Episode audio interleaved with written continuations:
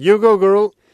Poslušate Met in Čaj, to je podcast o medijih, o dobrih in slabih praksah, novih tehnologijah in trendih prihodnosti. Gostje v medijih delajo, z njimi živijo in o njih razmišljajo.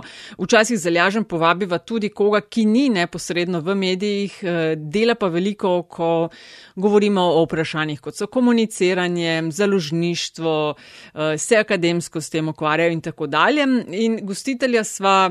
Aljaš Pengovitenc, Radio Chaos in Nataša Briški Metina Lista. Aljaš, živeli. Živijo. Kakšno vreme imate te dni uh, na Luksemburškem? Danes je sicer megleno, je bil pa cel teden do zdaj prej izjemno lep in tega nisem javno razglašal, da ne bi bilo nevoščljivosti izpod Alpja. Ah, jaz sem pa razmišljala, da ne bi uh, trume znancev, prijateljev, familije se usedle v avtomobil in odpeljale v Luksemburg. Oh, razlogi za to bi bili lahko verjetno tudi drugačni, ampak pustiva to.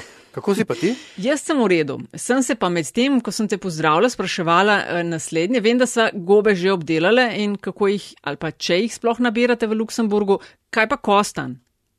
A to se je pri vas? Ja, se je, ampak se ga nabira predvsem v supermarketih. Aha, dobro, tako.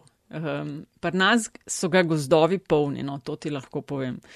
Vem. um, zdaj, met in čaj je um, takšen, da nam lahko komentarje in predloge za goste pošljete vedno na infoafnametinalista.sim, uh, vedno sva odzivna na ključniku met in čaj. Dobite naj pa na Twitterju pod Afna Pengovski in Afna DC43. A sem pozabila še kakšen uh, kanal, mislim, da sem povedala. Ne? Približno. Uh, za predlog za tokratno gostjo je padel že večkrat.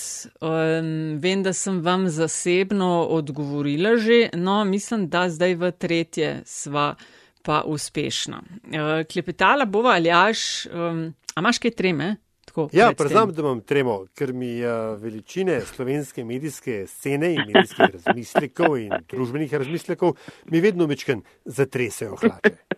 Veš, kaj se mi zdi, da sva oba dva začela tudi morda malo pravilneje slovensko in slovenščino uporabljati. To pa mislim, Nataša, je predvsem tvoj Pavlov refleks. no, najna gostja je Doktorica Manca Košir, pozdravljeni. O, dober dan, dober dan, se smeje medtem, ko vidva eh, razpredata o tej pomembni osebi, zaradi katere imata malce treme. Mislim, da je trema povsem odveč, lahko govorimo tudi pogovorno slovenščino, ki gre najbolje ne samo v šest, ampak tudi v srce. Sej, verjetno na koncu bo, ampak na, da štartala pa sva. Štartala pa sva, da je en tak uh, primeren uvod. Zdaj, takoj na začetku ste me uh, nakurli, da ne me klicati gospa, ker sem začela z, še preden smo stisnili rekord, sem začela z gospa Manca. Uh, takoj sem jih slišala. Ne, ne, samo lepo sem vas prosila na temperamenten način, ker je tak moj značaj, če lahko mi dve, moja ljuba bivša študentesa, brez gospa, Vse smo na nek način tukaj v Sloveniji tako povezani, prepleteni, da gospe, gospodje in to uh, delujejo uh, malce karikirano, imam jaz občutek, no. Med znanci, seveda. Eh, hvala lepa. Zaljažen sva, imava v metinem čaju, ki ga delava, ali až to je zdaj že devet, deveta sezona, ne? če se ne motim, ti si bolj natančen številkami. Ja, to je res. Seveda. Deveta sezona, 218. epizoda, imava nekako, kot se v profesionalnem žargonu reče, eno srajčko, kaj je spredaj, kaj je zadaj. Vi ste v enem intervjuju rekli, da se ne bojite neznanega, ste pripravljeni. Jo, zelo in najbolj se veselim neznanega, ker ne maram naprej poslanih vprašanj, ker jaz zelo rada odgovarjam en, dva, tri po navdihu, kot se mi zdi. No, pot, ok, potem ta ta prva mogoče ne bo najboljši štart, ampak vseeno mi dva vsakega gosta vprašava, pa vem, da vas verjetno vsi, ki poslušajo Met in čaj, zelo dobro poznajo. Na začetku prosiva gosta oziroma gostjo, da se malo predstavi. Um, to bi lahko, vem, trajalo ure, ampak če bi vi povzeli in se recimo medijsko predstavili, kaj ste medijsko, ker to je podcast o medijih. Vem, da bomo govorili tudi o drugih rečeh ali pa predvsem o drugih rečeh. Uh, če bi povedali ali pa se poskušali nekomu predstaviti medijska karijera v medijih, kaj ste počeli? Lejte, medijsko se mi zdi zanimiv podatek, da jaz v medijih nastopam že od svojega 14. leta. Takrat sem bila prvič na naslovni strani manekena in potem v tej edini reviji modni vrsto let uh, med platnicami. Hkrati sem sodelovala redno na uh, televiziji nacionalni, ki je bila takrat edina TV. Eh, kot statistka, recimo oddaje opera skozi stoletja, sem ležala pri 14 kot Blumhilda, potem sem igrala glavno vlogo s Andijem Paulinom v TV drami Pravljica na podstrešju. Mislim, da sem bila stara 16 ali 17 let. Eh, gostovala sem vsak teden v TV klubu kot plesalka o Marija. In takrat je bil recimo tudi uh, Dimitri Rupel reden gost in uh, Milčinski. Skratka, uh, zračunajte, stara sem 73 let, potem takem bom prihodnje leto slavila 60 let rednega pojavljanja v slovenski medijski krajini. Wow. Ja, no, to je kot. Uh, predmet medijskega uh, obravnavanja. Kot strokovnjakinja uh, sem 25 let učila na fakulteti za družbene vede uh, novinarsko sporočanje.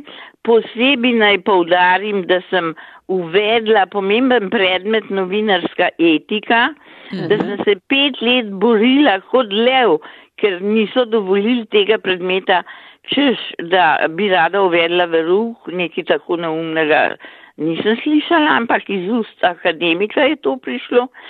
Potem sem uvedla pred, predmet vzgoja za medije, ker sem že govorila toliko let nazaj, eh, koliko je to, ne vem, od 80 let naprej, da je potrebna medijska pismenost, brez nje ne bo kritičnih državljanov.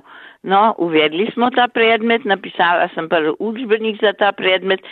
Uh, bila sem tudi novinarka mnoga leta z velikim veseljem, specializirana za intervju in napisala sem več kot tisoč intervjujev, najdaljši in uh, najbolj globoki so išli v uh, zbirki kronologija uh, duha to so bili v glavnem intervjuji iz revije Nova revija in sodobnost. No, pika. No, pa če lahko jaz kar tako postavim, ker ste na začetku rekli, da imate radi nepripravljeno vprašanje. Ja, bolj šloh je bilo tole, ne? ker tako novinarska etika kot medijska pismenost se zadnje čase zdita bolj na psu. Kje so torej učinki vašega dela? A, jaz sem šla v penzijo, mislim, da uh, uh, zdaj, a se bom zračunite, kot najmlajša upokojenka Ljubljanske univerze, sem šla v penzijo pri 57 letih, zračunite, kdaj je to bilo, eh, ker sem rekla dvoje. Prvič, da sem jaz prišla učiti na univerzo Humboldtovega tipa, ne pa eh, bolonske reforme, ki bo uvedla tekoči trak. In uh, takrat je rekla dehanja manjca, ti uh, ne razumeš bo, uh, bolonske reforme. In jaz sem rekla glasno, kaj pa če sem edina, ki jo zares razumem na tem zboru pedagoških delavcev in dekanja, ta ista mi je čez mnogo let uh, priznala, da sem imela žal prav, ampak ona takrat tega ni videla. Jaz sem pa zelo intuitiven človek, pa še matematikarica po izobrazbi, sem hitro zračunala, da se v tej reformi v glavnem vse računa, toliko glav študentov, toliko ur na vsakega profesorja, asistenta in tako dalje. Skratka, od takrat naprej me ni več na fakulteti. Uh, uh, mislim, da se to malce pozna, ker jaz sem učila, uh, um, a ne Nataša, z velikim veseljem in moj pedagoški eros je vseen kakšnega študenta oplazil tako močno, da se drži profesionalne etike in da razume, da nima kot uh, novinar samo pravice, ampak uh, sporoča to in ono, predvsem ima dolžnost sporoča to in ono na način, ki je na višini profesionalne in etiške zavesti. Brez dvoma lahko potrdim, da ste postavljali visoke standarde. Omenili ste že, rekli ste, pa sem matematikarica, pa ko se googla ime Manca Košir, se pojavi, ne vem, pisateljica, napisali ste 22 knjig, ambasadorka branja, ambasadorka radostnega staranja, eh, spremljevalka umirajočih, pravite, eh, profesorica, igralka. Eh, vse to je manjca košer, ampak kaj bi pa rekli, da pravzaprav najbolj od naštetega ste pa vi? Glede na to, da se um, mnogo, mnogo let premišljujem o tem, kdo je človek, berem različne uh, uh, duhovne knjige, uh, moja uh, vsakodnevna hrana je mistična literatura in vse te identitete so samo identitete, ki si jih nadeva subjekt oziroma uh, osebnost, to je koncept tega zahodnega sveta, na vzhodu tega koncepta uh, nimajo in nimajo takih težav. Uh, z identitetami in spuščanjem identitet, kot jih imamo pri nas. Jaz vse našteto sem opravljala, ampak to nisem jaz. To ni, to ni manjca. In naj vam povem svojo globoko, mogoče najglobljo izkušnjo zadnjega časa. Po hudi operaciji raka v čeljusti, kjer sem jo odrezal, del uh, pol kosti v zobeh je, no, uh, mislim, velik zob, spolili 50 bezglavk, mi vzeli kost iz noge in jo dal usta in tako naprej. In čudovit kirurg je rekel, mamca, vedeti morate, da vi po uh, operaciji ne boste nikoli več isti, taki kot ste zdaj pred operacijo. In na, med neko meditacijo sem jaz naenkrat zaslišala ta glas, ki meni tudi uh, narekuje srčnice, te pesmi, ki si jih zapisujem in tako naprej, ki je rekel, uh, kljub temu, ne, s temi, temi spremembami, manjca, ti si ista, ti si ista, ti si ista. In kdo je potem takem ta manjca, ki je ista, ne glede na to, da ima spremenjeno telo, ne glede na to, da je upravljala toh poklicev in vse srečno spustila, kdo sem jaz. In ta zavest, kdo sem jaz, ni omejena na moje telo, ki bo umrlo. Upam, da bo še nekaj časa živelo, ker jo zelo rada živim, ampak bo gusenca, ki bo obležala na tej zemlji in se spremenila v pepel, ampak moja duša, moja zavest, to, kar jaz sem, ista, ista, bo pa poletelo tja, odkudar je v moje telo tudi prišlo. Zdaj temu tja in odkudar je prišlo, eni rečejo um, absolutna zavest, eni rečejo Bog, eni rečejo prapočelo, eni rečejo praizvir, eni rečejo različne so besede, resnica je pa ena sama. Amen. Ampak recimo, ne, če dovolite, manjca, če se naša fizična pojavnost spreminja, kakor se spreminja svet okoli nas, pa naša zavest, vem, postaje ista ali pa raste skupaj z nami, kakorkoli temu rečemo, um, koliko je pa svet okoli nas, mediji okoli vas, ki ste jih so ustvarjali in so potem šli svojo pot, koliko je pa to vplivalo na vaš pogled na svet okoli vas, da jim reče na arbitrarno meja, po vaši formalni upokojitvi, ker v resnici se meni zdi, da niste nikoli zapustili medijskega sveta. Lejte, uh, vse vpliva na nas in mi vplivamo na vse, ker človek ni ločen od tega sveta in od drugih svetov, se živimo v več svetovih, ker zaspimo, a ne, smo v nekem uh, uh, uh, usporednem svetu, ki doskrat ima veliko močnejša sporočila od tega realnega, skozi katerega se telesno premikamo. Vse je prepleteno in vse vpliva na vse. In, in seveda vse to, kar ste zdaj rekli, je vplivalo name, jaz pa nazaj. Uh, um, ampak to, kar jaz sem tam, kjer sem ista, sem pa samo v globoki tišini, v miru in v stiku sama seboj. Tam pa teh vplivov, hvala Bogu, v glavnem ni, čeprav opažam, da kljub uh, uh, um, tem uh, meditativnim stanjem se smeti po glavi, podijo sem in tja, no, in, in lepo pomaham in grejo mimo, ampak zavedam se pa, da na tisto, ker jaz v resnici sem, pa nima to, o čemer smo zdaj govorila, vpliva. Saj ne eh, bistvenega vpliva. Bistven vpliv ima gotovo to, ali ljubim. To pa ima bistveno vpliv, ker ljubezen je močnejša kot smrt. In moj najboljši duhovni prijatelj je umrl Marjan Rožan 1990 in moja ljubezen do njega ni nič manjša, tudi njegova do mene ne. Se še vedno pogovarjava in z mnogimi drugimi um, enako. To pa so bistvene reči. Ali ljubimo, ne pa sovražimo.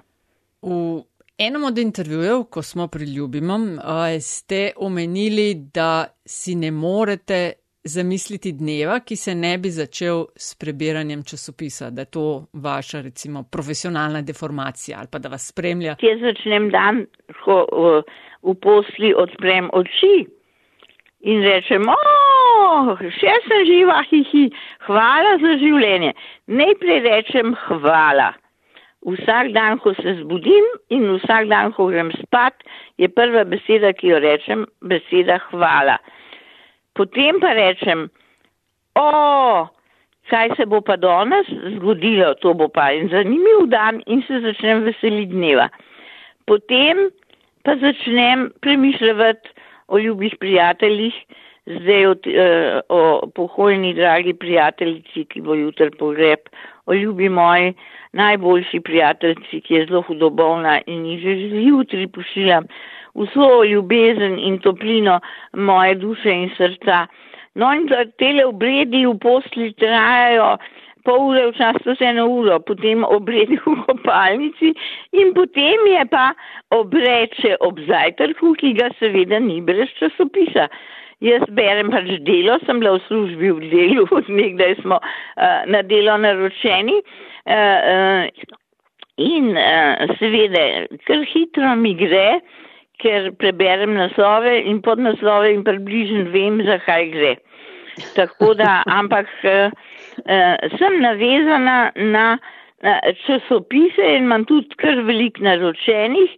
Um, danes bom recimo šla kupiti mladino, posebno številko o, o COVID-u, ker me prav zanima kaj bodo rekli v, v tej mladini, kot me tudi zanima, kaj bodo rekli v zborniku, ki ga pripravlja Goras Kocijančič, kjer je zbral mm, mnenja anticepilcev, predvidevam, da je mladina zbrala mnenja cepilcev, jaz pa berem in ene in druge. In si ne dovolim, da bi me uvrstili med ene ali med druge, ker sem čez te delitve Eh, slovenske grozne, strašne.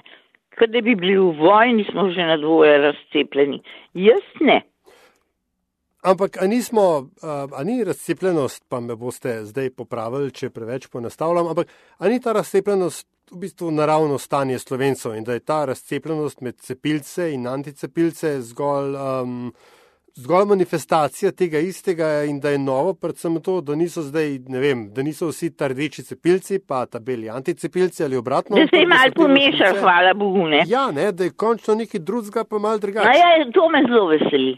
To je ena od svetlih dimenzij tega uh, uh, norega časa, da se je to mal razpršil in to je dobra pot k spravi. Uh, rdeči, beli, zeleni uh, cepilci se uh, povezujejo, rdeči, beli, zeleni, črni cepil, anticepilci se povezujejo. No, to so že drugačne povezave, kot so bile ideološke. Kaj ne? Ne, to je super. Drugač pa imate povsem prav, ne samo uh, cepilci, anticepilci, tudi druge reči so uh, uh, simptomi tega, kdo mi smo in tega, kako, kako mi smo. Um, in to, kar se zdaj dogaja, ni od zdaj, to je posledica vsega tega, kar je bilo prej. In uh, lahko si ogledujemo, ta lahmusov papir stanja slovenskega uh, uh, duha, nacionalnega značaja, zgodovine, te borbe za preživetje, ne vem, kako bi preživeli slovenci, če se ne bi tako borili za svoje vrtičke, ker to vse kaže na dobro in slabo, ki je vse v nas, ker pač živimo v tem dualnem svetu. In tako le to je, lahko gledamo, opazujemo, jaz se strinjam, mi opazujemo simptome. Um, Zalažen sva že probala enkrat prej vas dobiti pred mikrofon na metin čaj. In takrat uh, sem rekla, a bi se z nama pogovarjali o stanju v medijih uh, in pač v tem kontekstu. Pa ste, um, niste bili za to, ste pa rekli, da ko bova govorila o minevanju, umiranju, smrti, ljubezni, upanju in zaupanju, da takrat pa lahko računava na vas. No, in zdaj govorimo o medijih. Očala spinčič. Tukaj sem za vas, se mi zdi da je to zdaj moje poslanstvo pri teh letih, da govorim o teh rečeh in pri slovenskem društvu hospic sem ena od tistih, ki pomagam detabuizirati smrt in umiranje. In zato to potem tudi sprejmem kot mojo hospic nalogo. Ne? Ja, to sem vas želela vprašati. Ne? O komuniciranju namreč zalažemo v umetnem čaju veliko, pogosto in na dva tedna, pravzaprav govoriva že devet let. Eh, kako je pomembno, na kakšne načine, tudi v luči eh, pandemije smo o tem veliko govorili, ampak na teh topikah, s katerimi se vi ukvarjate, tudi v okviru hospica, kako dobri smo ali pa slabi smo slovenci in slovenke, ko govorimo ali pa ko si sploh upamo o teh stvarih govoriti. Ali smo približno enaki kot povsod drugot in imamo s tem težave? Lete, enaki nismo nikjer. Tudi povsod drugot nismo enaki, ker smo na tem svetu in tudi v Sloveniji taki in taki in taki in taki. Zelo smo različni.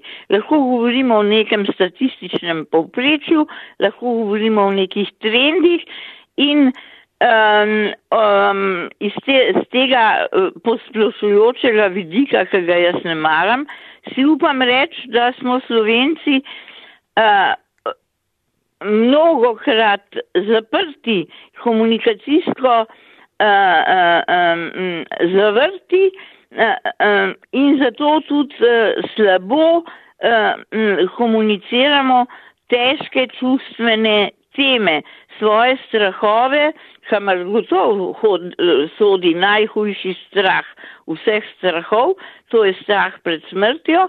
E, e, v kakšnih drugih okoljih se o tem zagotovo bolj sproščeno pogovarjajo, ampak moram reči, da se tudi na slovenskem že odpira prostor, javni prostor za te pogovore.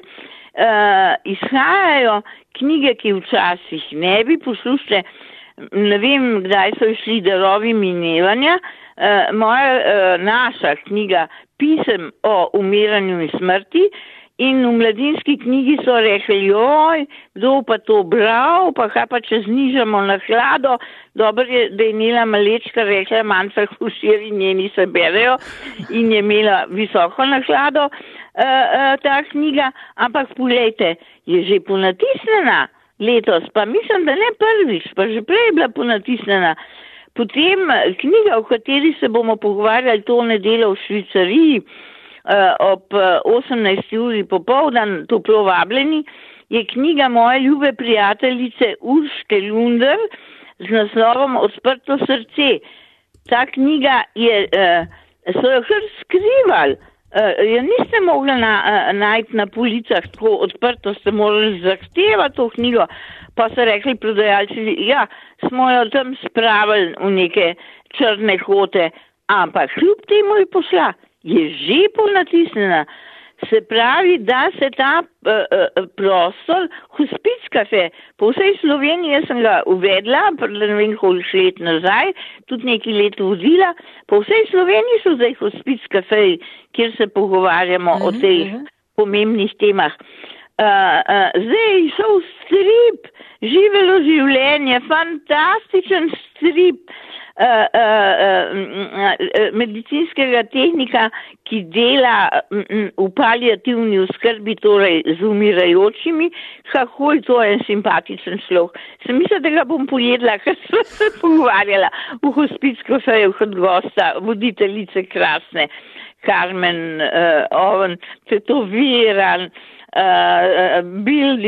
bildigiziran, ali kako se to reče, čopek na glavi, uh, nakit, uh, uh, zapestnica, ki se mu tam strgala, da smo lovili pol tiste jagode.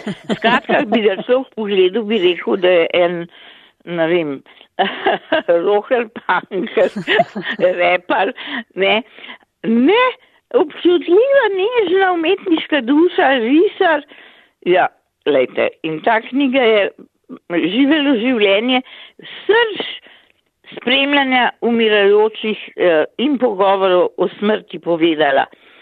Eh, tukaj imam, eh, se pripravljam na okroglo mizo v času eh, knjižnega sejma, ki ga žal ne bom, ampak bomo pa upam virtualno imeli pogovor o tem, zakaj je danes oživela storiška misel zakaj se dnevni cesarja Marka Aurelija uh, uh, kot med prodaja, zakaj uh, je tako uh, uh, moderno branje in skoraj nujno za vsakega izobraženega človeka eh, epikteta, jaz ga zdaj berem že tretjič, ga znam skoraj že na pamet.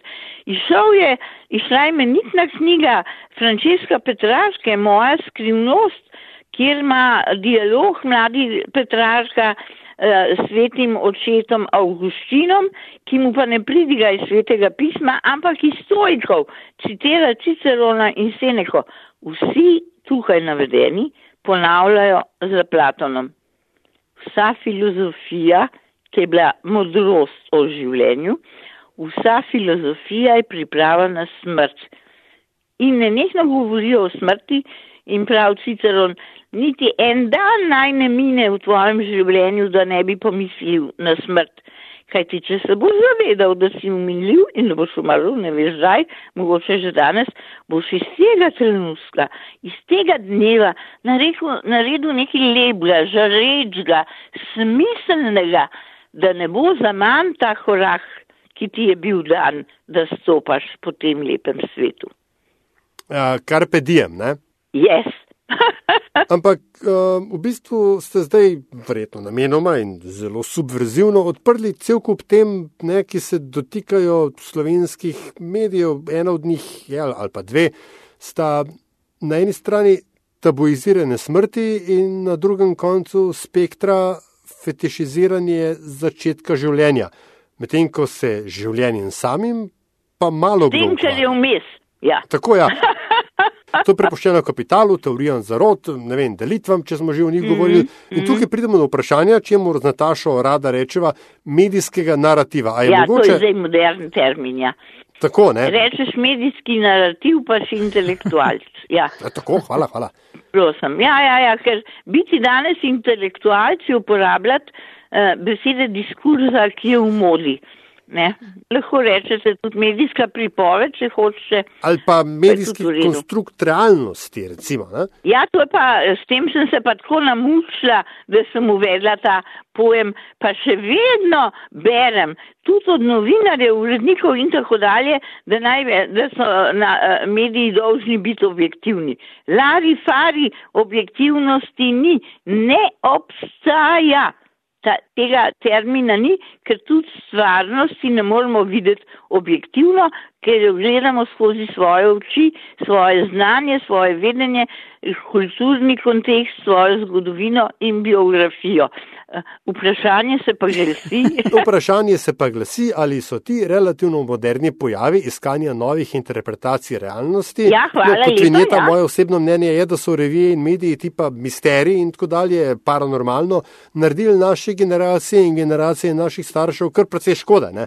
Ampak da je tukaj problem medijev, ker so bili podobno kot akademija ali pa kakšne druge sfere zaprti sami vase v mehurčku in so bili sami sebi zelo pomembni, ne prepoznavajoč realnosti ali pa več realnosti, ki so se tam, tam zunaj dogajale. Ali je mogoče tu srž tega problema? Lejte, tukaj in še kje druge. Ne samo v medijih. Mediji seveda strežejo človekovim uh, potrebam, okusu, uh, ker morajo preživeti, jih zanima, kako bodo preživeli, torej, kje bodo dobili denar, so vsi veseli, um, če ga dobijo od naročnin in nakupov, to je medijska zgodba. Um, poslušajte, jaz ne gledam televizijskih poročil že odkar sem penziji. In uh, mnogi psihoterapeuti uh, prepovedujejo svojim pacijentom gledanje poročil, poslušanje poročil in branje časnikov, zato ker potem imajo ljudje krasen izgovor, da so sami uh, taki, kakršni so, zato ker pogledajte, tale svet je tak pa tak. Vam povem, če bi, in to sem velikrat že rekla, če bi mediji predstavljali dobre zgodbe, recimo zato imam naročeno nedelo, ker ima veliko eh, lepih eh, zgodb. Uh, ali pa uh, uh, Zarja Jana si zelo prizadeva najti veliko pozitivnih zgodb. Če bi imeli več svetlobe v medijih kot se me, bi bilo tudi v ljudeh prej jaz mislim, da že kar prej več svetlobe in manj strahu. Ampak uh, že od nekdaj velja, že iz plenarnega štetja tisočletja, uh, uh, ne, kruha in igr, kri in to, to se kar dobro prodaja, kriminal, gledam kdaj italijansko televizijo zaradi italijanščine, ja tam je kriminal non-stop, ta je tega ubil, on, on ga ubil, ta je skratka. Čustva, čustva, čustva se odlično prodajajo, ne tako je. Zato pa je potrebna medijska pismenost, meni jih ne morejo prodajati. Ne konzumiram, nisem potrošnica tega sveta. Poslušam uh, ars, poslušam krasno glasbo, hodim v Cankarjev dom na uh, božanske koncerte zlatega in srebrnega abonmaja. Ravno uh, predvčerišnjem smo poslušali Mozarta iz Salzburga, so igrali in jo, tako lepo, da smo kar poleteli iz um, Cankarjevega doma. S kakršno hrano se hraniš, tak postajaš. Jaz se hranim svetlo hrano, kar uh, uh, pa ne pomeni, da mi, mi živim pred stvarnostjo. Presne dobro se zavedam, kam gre ta svet, kakšna je najbolj katoliška država na Poljskem, ki uh, uh, emigrantom v njenih gozdovih ne dovoli, da bi, da bi jim zdravniki brez meja prinesli vodo, hrano, uh, uh, tople oblačila, tam zmrzujejo, umirajo nazaj, pošiljajo. Poslušajte, to je zločin. In rečem, Poljska, najbolj katoliška država, se je bil tudi Auschwitz na, Poljski, na Poljskem, se niso bili tam samo Nemci v tem Auschwitzu. Kaj pa je to, kaj pa je to? Kaj pa je ta hinavša, kakšen je ta svet? Torej se zavedam, a ne, v, v kakšnem svetu se uh, živim. Si pa zelo prezadevam, da jaz ne bi bila na ta način del tega sveta, ampak na drugačen, na boljši, bolj dober, svetlejši. Vaše delo v hospicu, kjer ste prostovoljka, je, um, ne da se opisati z besedo, kako pomembno je ustanova to, kar počnejo oziroma počnete. Zdaj imate kampanjo Pravica do poslovitve med epidemijo COVID-19 pod geslom nismo imeli priložnosti ljudi ozavestiti o pomenu poslovitve od omirajočih. Mislim, da ima verjetno vsak med nami zgodbo nekoga, ki, kakšnega bližnjega, ki je nekoga izgubil in to so res, res strašne stvari in pomembna kampanja. Tudi bova priložila na spletno stran tudi te vaše večere z manjco košir, ki jih pripravljate vsako drugo nedeljo v mesecu v Švicariji, kot rečeno, 14. o spremljanju hudobolnih bolnih in uh, umirajočih. Uh, pa bi zdaj nekako rada prišla tudi do vašega odnosa do branja. Um, Za smrt ste rekli, smrti se ne bojim na smrt. Uh, ja. Kar se mi je zdaj odličen stavek. Kot tisti, ki se panično bojijo, uh, z njo se pogovarjam od leta 1990 vsak dan in z njo sem se veliko pogovarjala, ko sem igrala glavno vlogo v filmu Breza, kjer sem ležala na parah dva meseca in okrog mene pač uh, obred uh, slovesa od umirajoče. Potem so me zavezali v krsto uh, z vrvjo in ker je uh, režiser to realistično posnel, so peljali to zavezano krsto iz vasi v dolino na pokopališče, ker je trajalo ure, ker smo morali ponavljati in so me spustili v izkopan grob, jaz sem ležala v tej krsti in en uh, pijan kmet je celo enkrat na mene padel, Tako da tele izkušnje so se pa v nezavedno globoko zasadile, da sem jaz takrat imela uh, uh, velik uh, opravd smrtjo. Šla sem tudi na delavnico Adriana Kezeleta, uh, uh, priprava na smrt izjemna, izjemna Marija, kakšna izkušnja. Skratka, Pripravljam se na smrt, pripravljena pa ne bom, kuhar noben ni najbrž. Ne vem, razen če bom do takrat že razsvetljena, ampak nič ne kaže. Te pa znajo umreti, ali ste razsvetljeni, pa obsedijo v joga položaju, sploh ne vejo ljudje, da so že mrtvi, ker tudi njihovo telo ne razpade tako hitro, kot od nas navadnih smrtnikov. Verjetno ne bom nič novega vprašal, če bom vprašal, a je duševno zdravje in odnos do duševnega zdravja v slovenskih medijih tudi zapostavljen. Ja, najprej se moramo pomeniti o tem, kaj je duševno zdravje. Ne? To ni tako enostavno in eno, um, enoznačno. Ne?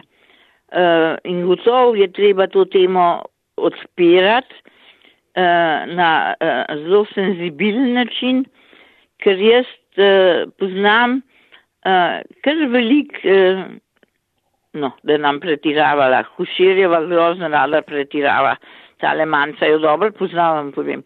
Torej, uh, uh, nekaj ljudi poznam, uh, uh, ki imajo diagnozo um, duševne motne um, ali bolezni, pa so neprimerno bolj pametni na neki ravni, osveščeni, odprti, kuhar uh, kao grozen duševno zdravi. Tako da um, to je treba uh, zelo um, um, občutljivo obravnavati in zagotovo pa več obravnavati in temu posvetiti več prostora. Zdaj sem se pa spomnila, da je Huširjeva sploh ni odgovorila na to, kar je prele Nataša vprašala, ker sem kar poletela uh, uh, uh, v objem svoji izkušnji smrtjo. Vi ste me pa vprašali o tej akciji kjer se ljudje niso mogli uh, posloviti. Tudi med drugim pa še eno drugo vprašanje, ampak lahko recimo vaša misel o tem, ja. Uh. Ja, lejte, to se pa meni zdi, zdaj vam uh, pač pretiravam, no, taka sem, to je meni zločin. Ne dovoliti obreda poslovitve. Zakaj? Ker je človek obredno bitje. Antropologi pravijo, da štejejo nastanek človeka kot človeka s tistim trenutkom, ko je pohopal svoje mrtve. In zato je Antigona recimo tako močen lik v evropski eh, zavesti in civilizaciji. In da se niso mogli ljudje posloviti od umirajočih in mrtvih, jih bo zapečatilo za vse življenje črna luknja v duši, ki jo ne bo mogli zapolniti skoraj nič na tem svetu. In narediti to enemu človeku, se mi zdi, kot sem rekla, zločin. Kaj je znanost ugotovila? Da uh, uh, je naše življenje in dolgost življenja odvisno od zdrave hrane, gibanja, kvalitetnega spanca, obrambe pred stresom, ampak 47 odstotkov pa od bližine, od občutka povezanosti, od občutka, da živimo v skupnosti, da je nekomu mar za nas in je nam mar za druge, od tega dotika bližnjih ljudi, se pravi skoraj pol, pol uh, uh, bivanja našega je s tem opredeljeno, je in tudi duševnega zdravja, ali je ta naša temeljna potreba po povezanosti izpolnjena ali ni. In, in, in kot obredna bitja imamo zato obrede, da, da se zavežemo tej povezanosti in ena od zavest je tudi slovo od umirajočih in umrlih, kjer mi eh, eh, lahko eh, poslednjič izrazimo svojo ljubezen. Jaz, ki je moj oče umrl, sem se v, v, v bolnici k njemu legla, so rekli, vse ni kompatibilen, kaj v komi. Hajde ne, duša sliši, sem ga božala, sem se mu zahvala, ker je bil tako dober, ker je pomagal iz mojih dveh čara narediti čarobna bitja, ker meni ni bilo doma ambiciozne mance, ki je dirkala po svetu, medijska, taka in drugačna znanstvenica mlada in on in mama sta poskrbela med tem za njih dve. Njemu je prišla solza iz oči, ker je vse slišal. Slišal je, kako ga ljubim in slišal je, kako sem mu hvaležna. Prej sem želela, ko sem omenila to vašo strast do branja ob eh, tem razmišljanju o smrti, prepela, če tole vaše dejavnosti in udejanjanje na tem področju. Sem govorila s kolegico in rekla, da imava v metinem čaju intervju z vami, pa mi je rekla, nikoli ne bom pozabila, ko je rekla, da si želi, da bi na njen pogreb ljudje prinesli knjige in jih položili v grob na mesto rož. Ne? In se nekaj v kontekstu vašega odnosa do branja. V zadnjem času ste rekli, da vas eh, predvsem duhovna literatura Eh, zanima in vaše tudi spodbujanje vseh nas k branju, za kar ste dobili številna priznanja. Eh, mi je ta kolegica omenila tudi, da imate vi v sebi moč, da za sabo potegnete množice. Ne vem, kaj jo napaja, da ima toliko energije. Sem rekla, da vas bom to vprašala. Kaj vas napaja? Reči kolegici, da je zelo lepo pozdravljam, ampak da mi knjižničarke pravijo, da ko jaz uh, uh, razpišem recimo ta pogovor v Švicariji ali pa ko v Buhli, kjer imam svojo uh, rubriko knjiga meseca, ki se je zdaj spremenila že v knjige meseca, ker ne morem samo ene obravnavati, poznam več. Uh, Ljudi, ki si izrazujejo in imajo celo mapo manjšinih priporočil za knjige in kar z njimi hodijo po knjižnici. In te knjige so sposojene. Sem tako vesela, da je naš organizator švicarije rekel, manjša sem že prebral učnino knjigo Odprto srce. Se nekaj je super. Ne, pol nekdo drug mi je rekel, joj, manjša na tisto knjigo, ki ste jo priporočali, tam pa tam sem pa čakal ne vem koliko časa, ker je bila skozi sposojena. Veste, v čem je moja moč? V tem, da sem jaz resnična, verozostojna in avtentična. Da jaz res govorim v knjigah, ki sem jih prebrala. Poslušaj, Zanč mi je rekel, če bom nekaj napisala v eni knjigi. Se reka, ne bom, ker nimam časa prebrati. In rekel, vse ti jo ni treba prebrati. A ti misliš, da ljudje pišejo samo v knjigah, ki so jih prebrali, da, da, da. Jaz sem rekla, še v življenju. Nisem pisala v eni knjigi, ki jo ne bi prebrala, podčrtala, si naredila izpiske, uh, izpisala v poseben blokec uh, uh, najlepše misli zame, ki me nagovarjajo. Jaz to zares počnem. Jaz sem predana, jaz za švicarijo je voditeljca, nisem voditeljca.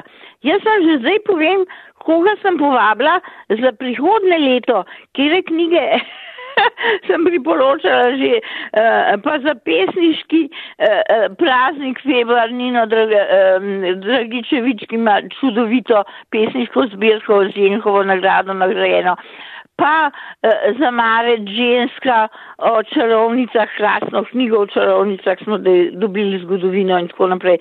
Jaz to delam, potem eh, obveščam prijatelje in pišem, eh, knjige kupujem. Eh, pred, eh, ne vem, kdaj sem šel v mladinsko knjigo, knjigo, uno, tretjo je bil račun, malo manj kot 100 evrov. Pa sem rekla, blagajničarka, ni to zanimivo. Če bi šla v eno trgovino z oblekami, svoj živ dan ne bi dala uh, uh, to hlednarja z lahkoto. Kje pa v glavnem uh, so to neki 20-30 evrov, do tam se še premaknem z lahkoto, več pa ne, premišljujem, grem domov, pridem nazaj in tako naprej. Za knjige pa kar znam. Sem še vedno članica sveta knjige, so kar naprej kupujem knjige. In uh, Božiček nos knjige, dedek mraz nos knjige, rojsten dan nos knjige, za dan knjige, podarjen knjige, knjige, knjige. Ljubim knjige, ker so me knjige pomagale ustvariti tako, kot sem, ne. In uh, tam imam že pripravljeno knjigo, ki jo bodo nesel uh, v grob z mano, to je Mistikinja Lala, ki mi jo je za uh, rojsten dan prevedla Tina. Ne, to je čudovita knjiga, ki jo um, zelo pogosto prebiram in ta njen vers povsod, kjer sem hodila, ne, me, sem pustila uh, uh, uh, sled Boga, tako je pač bilo v, v, v tem 12. ali 13. stoletju. Uh, um, jaz pa recimo bi rekla sled srca. In zato nagovarja srce, nagovarja srce razum nagovarja razum, pa to ostane v glavi in ne gre, ne gre v telo. To je, mislim, da in potem tu dobiš energijo, a ne? Če nekaj daš s takim veseljem in s tako predanostjo in vidiš, da so ljudje to vzeli in da so ti hvaležni, kot sem jaz hvaležna za uh, mnoge reči, da začutiš, da ta ljubezen kroži. To je krožno gospodarstvo, za katerega je svetovna strokovnjakinja moja druga čila deja. Ja, eh, ne krožijo samo storitve, ne kroži samo blago, predvsem kroži ljubezen. In to nas napaja, to nas hrani, to nas dela ljudi, to, to nam pomaga tudi umreti ker moramo počasi pripeljati intervju k koncu, uh, bom zdaj še nekaj vprašala, da vam mal dvigne pritisk tik pred koncem. Uh, vi ste so ustanovili gibanje za trajnostni razvoj TRS, naslednje leto je super volilno, tri, troje volitev imamo. Se boste kaj aktivirali, jih pričakujete z navdušenjem? Pritisk mi sploh ne narašča, ker vidim, ker vidim, da uh, uh, sva midva s Plutom, ki sva ustanovila gibanje, trs, ne stranko. Gibanje, pa. Imela pa vsem prav.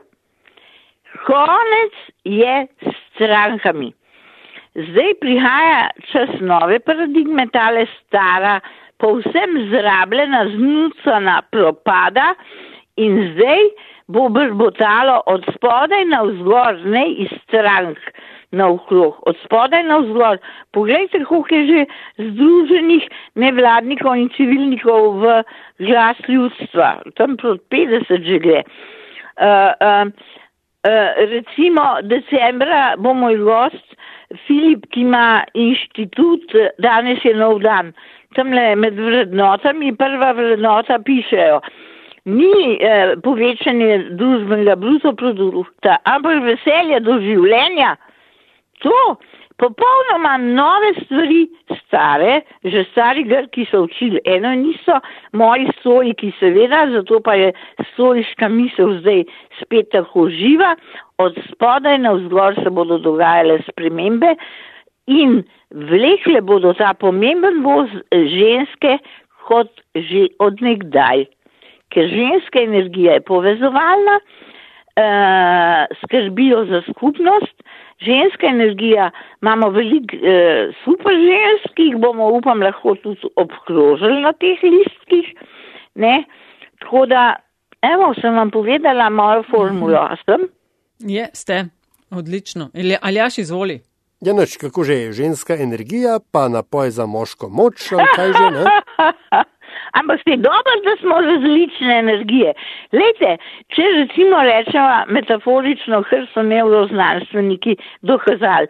Mi ženske imamo velik centrov, recimo za komuniciranje v možganih, vi moški enega samega. Mi imamo velik centrov za erotiko, kjer nas dotaknete, smo erotično odzivne. Ah, to je čudovito srečno, sem, da sem ženska, moški, imate pa enega samega, veste, kje je nameščen. Kuh je rekel Vito Milzupan, jaz imam dve glavi, ampak vedno zmaga spodna kar ni najboljše. Ampak to je potreben, treba je videti cel gost, ženski princip, treba je videti eno drevo, da greš proti cilju in ta cilj uresničeš, imaš roke, nosilce to in to moška energija. Samo objeti lahko poletimo, samo objeti z angelskimi krili moškega, moške polovice in ženske polovice. Dve krili pljuč potrebujemo, da lahko zares globoko dihamo. In hura za moške, prosim, bodimo skupaj in spreminjajmo ta svet v dobro, ker imamo zdaj največjo priložnost.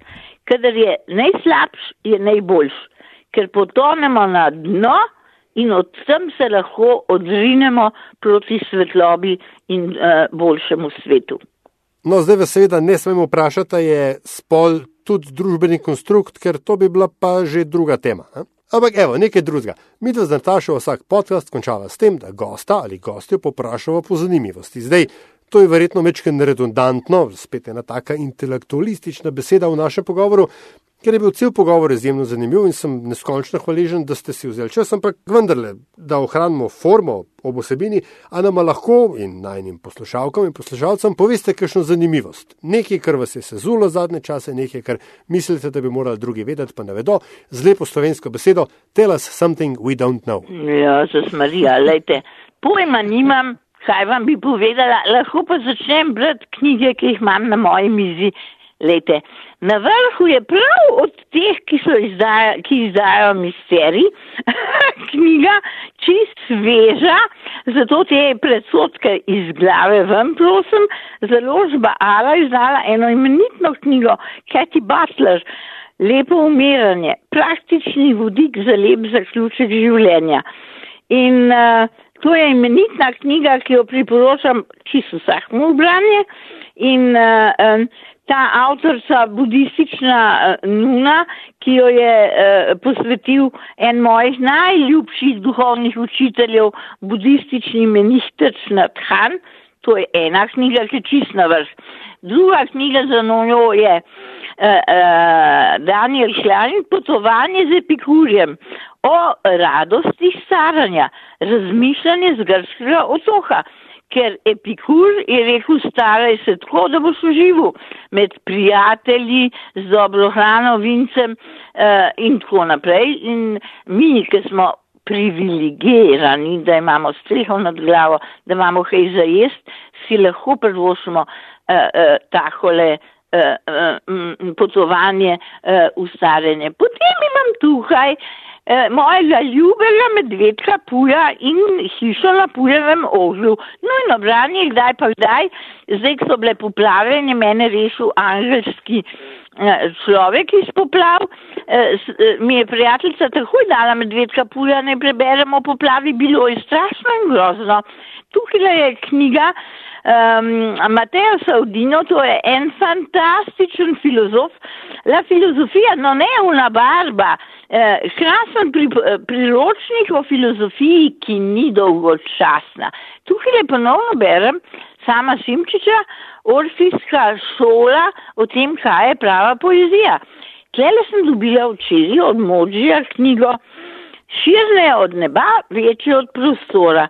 Pod njo imamo vsakodnevno branje, nezbrani komadi in drugo obvezno branje, da od rečinka, linka, kako rečemo, življenj, življenje, življenjske sile skozi izžarevanje notranje moči.